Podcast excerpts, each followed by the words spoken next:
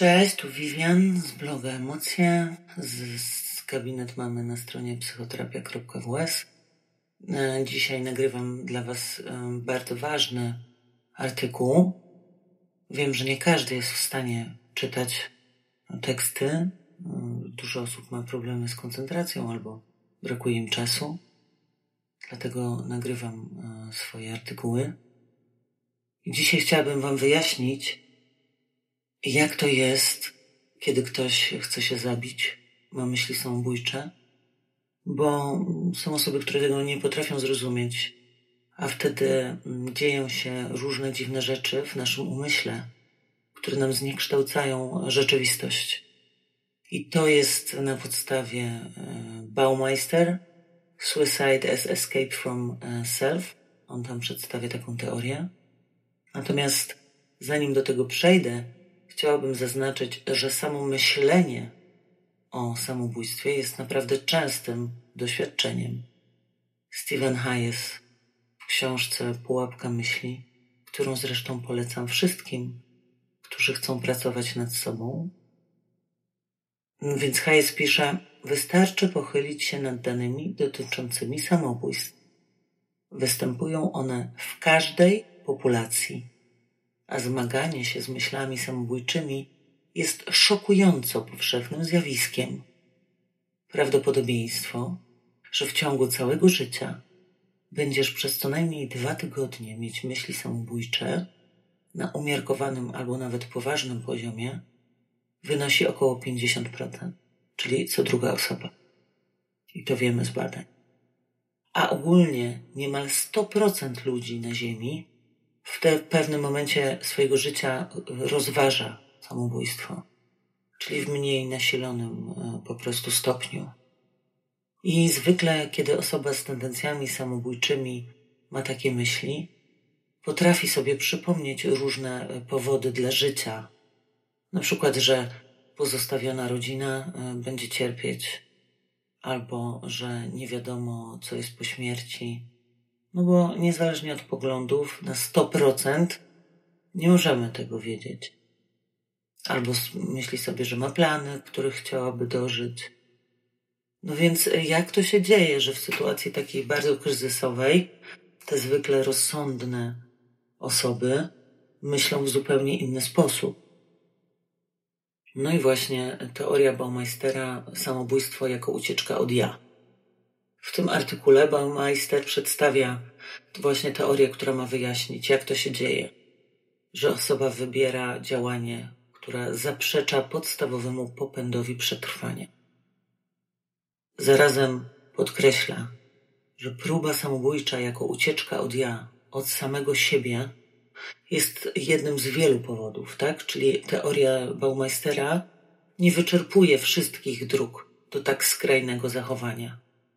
Autor wymienia również inne, przykład samobójstwo rytualne czy honorowe, altruistyczne samopoświęcenie, ale to już musicie przeczytać ten artykuł. W badaniach naukowców najczęstszą przyczyną jest właśnie ucieczka od samego siebie.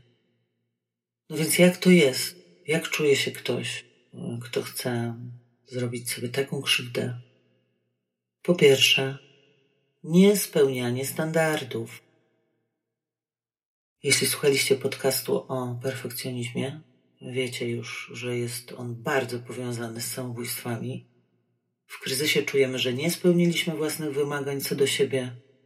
No właśnie, często są one bardzo wyśrubowane. Albo przeżyliśmy jakąś porażkę, a czasami i to, i to. Później mamy taki mechanizm odniesienia do ja, Winę za tę porażkę przypisujemy tylko sobie. Czujemy poczucie winy za to, że coś się wydarzyło albo że się coś nie udało. Możemy też czuć wstyd. Wysoka samoświadomość się pojawia, taka negatywna. Czujemy się nieadekwatni, beznadziejni, wadliwi jako ludzie. Uważamy, że złe cechy, które mamy, są stałe i niezmienne i zagwarantują, że nasza przyszłość będzie absolutnie nieudana. W to wierzymy w takim momencie.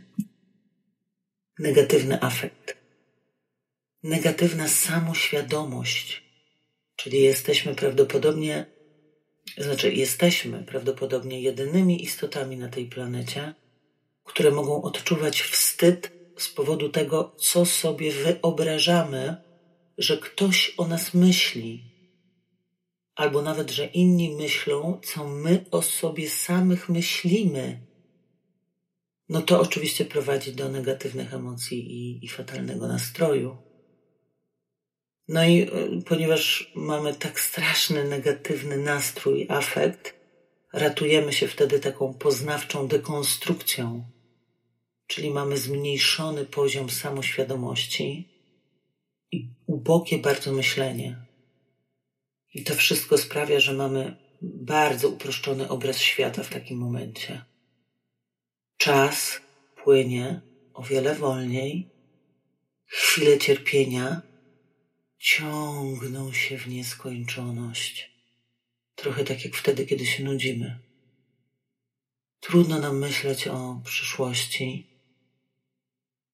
i e, takie konkretne myślenie, na przykład kiedy się analizuje notatki samobójców, którzy dokonali zamachu, w porównaniu z badanymi, którzy pisali udawane listy, różnią się poziomem konkretności. Prawdziwe listy nakarm psa, udawane mam nadzieję, że będziesz pamiętać, jak bardzo cię kochałam.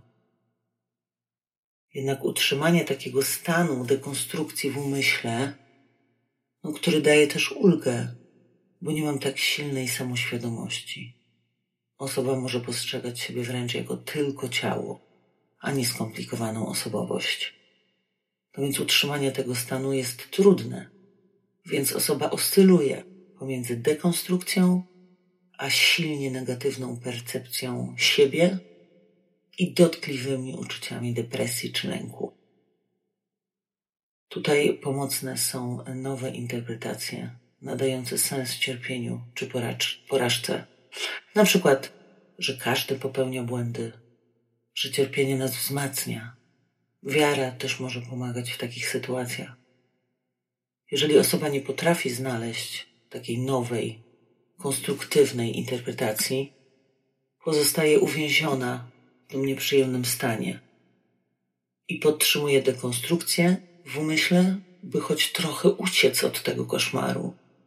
Więc miota się pomiędzy stanem wewnętrznej pustki emocjonalnej, która jest podobna do nudy, i bardzo silnego negatywnego afektu. Rozhamowanie behawioralne, czyli zachowania. Dekonstrukcja powoduje rozhamowanie Ludzie są bardziej gotowi do robienia kontrowersyjnych rzeczy. Tracą hamulce. Zasady moralne przestają istnieć w takim stanie. Odrzucenie samoświadomości i myślenia prowadzi do działania jak automat. Zamiast działań mamy ruchy ciała. W związku z tym nie mam mowy o zasadach moralnych w tym stanie. Rozhamowanie zajmuje się wyłącznie usunięciem wewnętrznych przeszkód do osiągnięcia konkretnego celu. Nie zajmuje się myśleniem perspektywicznym, czyli o swojej przyszłości. Jest to niemożliwe w tym stanie. Czyli ktoś popada w fantazjowanie, by wywołać emocje, które da się znieść, na przykład współczucie dla siebie leżącego w trumnie, satysfakcja, że ktoś, kto skrzywdził, będzie cierpiał, i wreszcie zrozumie, że osoba nie udawała, tylko że jej problemy były prawdziwe. Jest bardzo trudne wtedy myślenie o konsekwencjach rzeczywistych, ponieważ osoba jest zupełnie irracjonalna. Inny naukowiec Taylor uważa, że nie da się rozróżnić udawanego od prawdziwego samobójstwa. Bardzo niewiele samobójstw jest tak zaplanowanych, by śmierć była absolutnie pewna. Równie mało jest samobójstw takich, które są zaplanowane, by przeżyć. W większości prób samobójczych wynik zależy od losu, czyli istnieje w osobie zarówno wola życia, jak i śmierci. Samobójstwo jako podejmowanie ryzyka wszelkie zdroworozsądkowe podziały, przykład samobójstwo, kiedy ktoś tak naprawdę nie chce umrzeć, samobójstwo, kiedy ktoś chce umrzeć, nie znajdują uzasadnienia. To jest rodzaj gry z losem. Umrę, nie umrę. Ettlinger i Flordach zbadali 500 przypadków samobójstw i ustalili, że 4% zdecydowanie chciało umrzeć, 7% nie zrobiło poważnego zamachu, 89% ryzykowało. Starali się zarówno umrzeć, jak i dać sobie jakąś szansę. Stengel w Attempted Suicide napisał, że samobójstwo ma Janusową twarz. Janus to Bóg o dwóch twarzach, patrzących w przeciwnych kierunkach. Przytoczył takie argumenty. W większości przypadków osoby ostrzegają jakoś, że popełnią samobójstwo.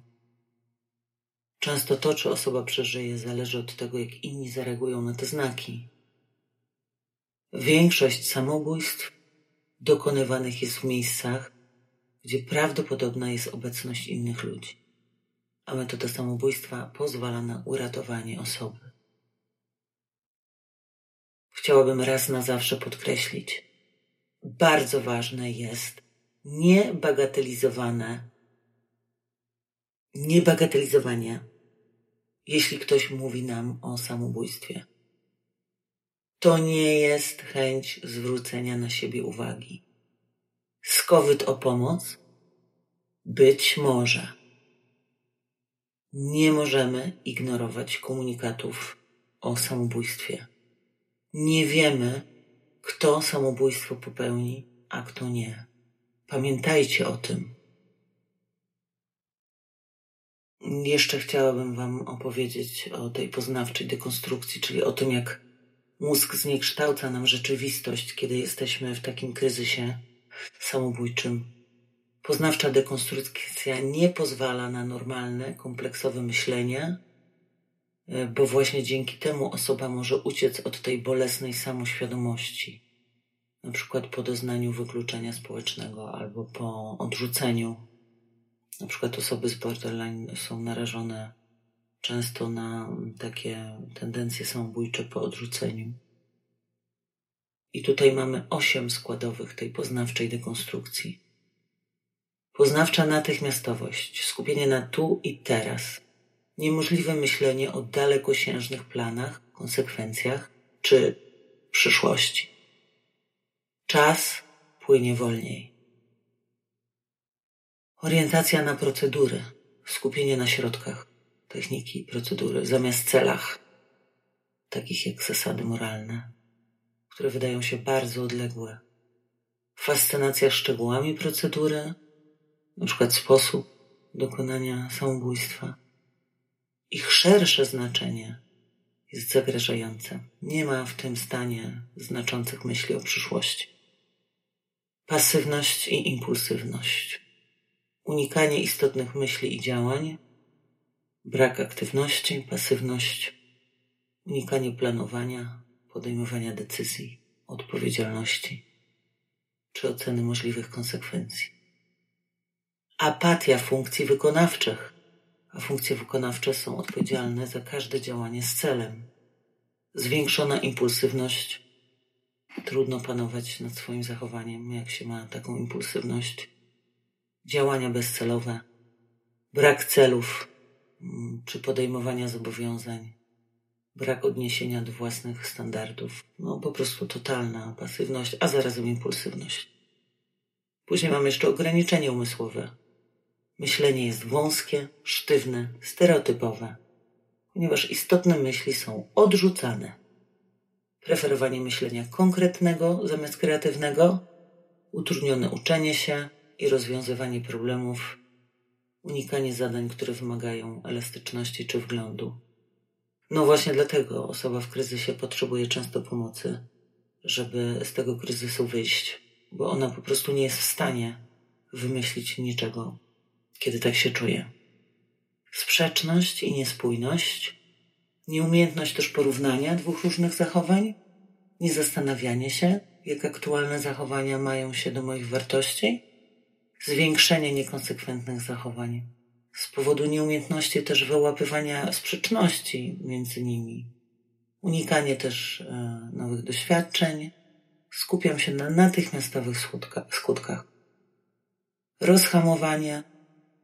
No i znowu mamy niemożliwe porównanie swojego zachowania do swoich standardów, niemożliwe wykrycie zachowań, które zaprzeczają normom i niezastanawianie się, jak zachowanie ma się do abstrakcyjnych wartości. Ubogie reakcje emocjonalne, brak emocji, negatywnych, unikanie bodźców, które wzbudzają emocje, skupienie na trywialnych, natychmiastowych sprawach, które nie mają głębszego znaczenia, wrażliwość, bezbronność poznawcza, irracjonalne myślenie, tendencja do przetwarzania treści, które oferują przyjemne lub kontrolowalne wnioski, podatność na fantazjowanie i wpływy zewnętrzne. Dlatego właśnie to wyjaśnia, tak? Niektórzy z Was nie potrafią zrozumieć, że na przykład, e, nie wiem, rodzic e, może myśleć o samobójstwie. No wtedy właśnie to, to myślenie staje się zupełnie od czapy odklejone e, i ludzie wierzą, że dzieciom będzie beze mnie lepiej na przykład, nie? Albo przyjaciołom będzie beze mnie lepiej.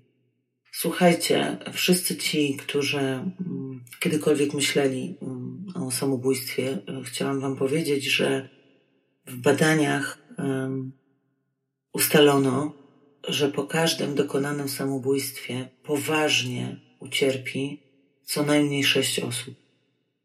Sześć osób zostanie poważnie, poważnie skrzywdzonych po jednym samobójstwie. No, my na co dzień e, pracujemy z taką populacją zagrożoną, ale też e, równie często, no ostatnio w pandemii jeszcze częściej, wydarzały się samobójstwa. I osoby, które do nas przychodzą, były wystawione jakby tak na samobójstwo kogoś innego przyjaciela, kogoś z rodziny. Słuchajcie, to są naprawdę poważne sprawy. Warto pomyśleć o powodach dla życia, dlaczego chcę żyć i spróbować znaleźć taki powód. I myślę, że jednym z powodów może być chęć uchronienia przyjaciół przed e, takim cierpieniem, czy rodziny przed cierpieniem. No ale znowu, kiedy jest się w stanie, e, kiedy myślenie totalnie się rozwala, to też ciężko o tym pamiętać. Proszę Was, udawajcie się po pomoc, kiedy przychodzą do Was takie myśli, dlatego że jest możliwe zmniejszenie Waszego cierpienia i bólu. Naprawdę. No, także trzymam za Was wszystkich kciuki i mam nadzieję, że ten dzień będzie dla Was łaskawy. To byłam ja, Vivian z Emocja.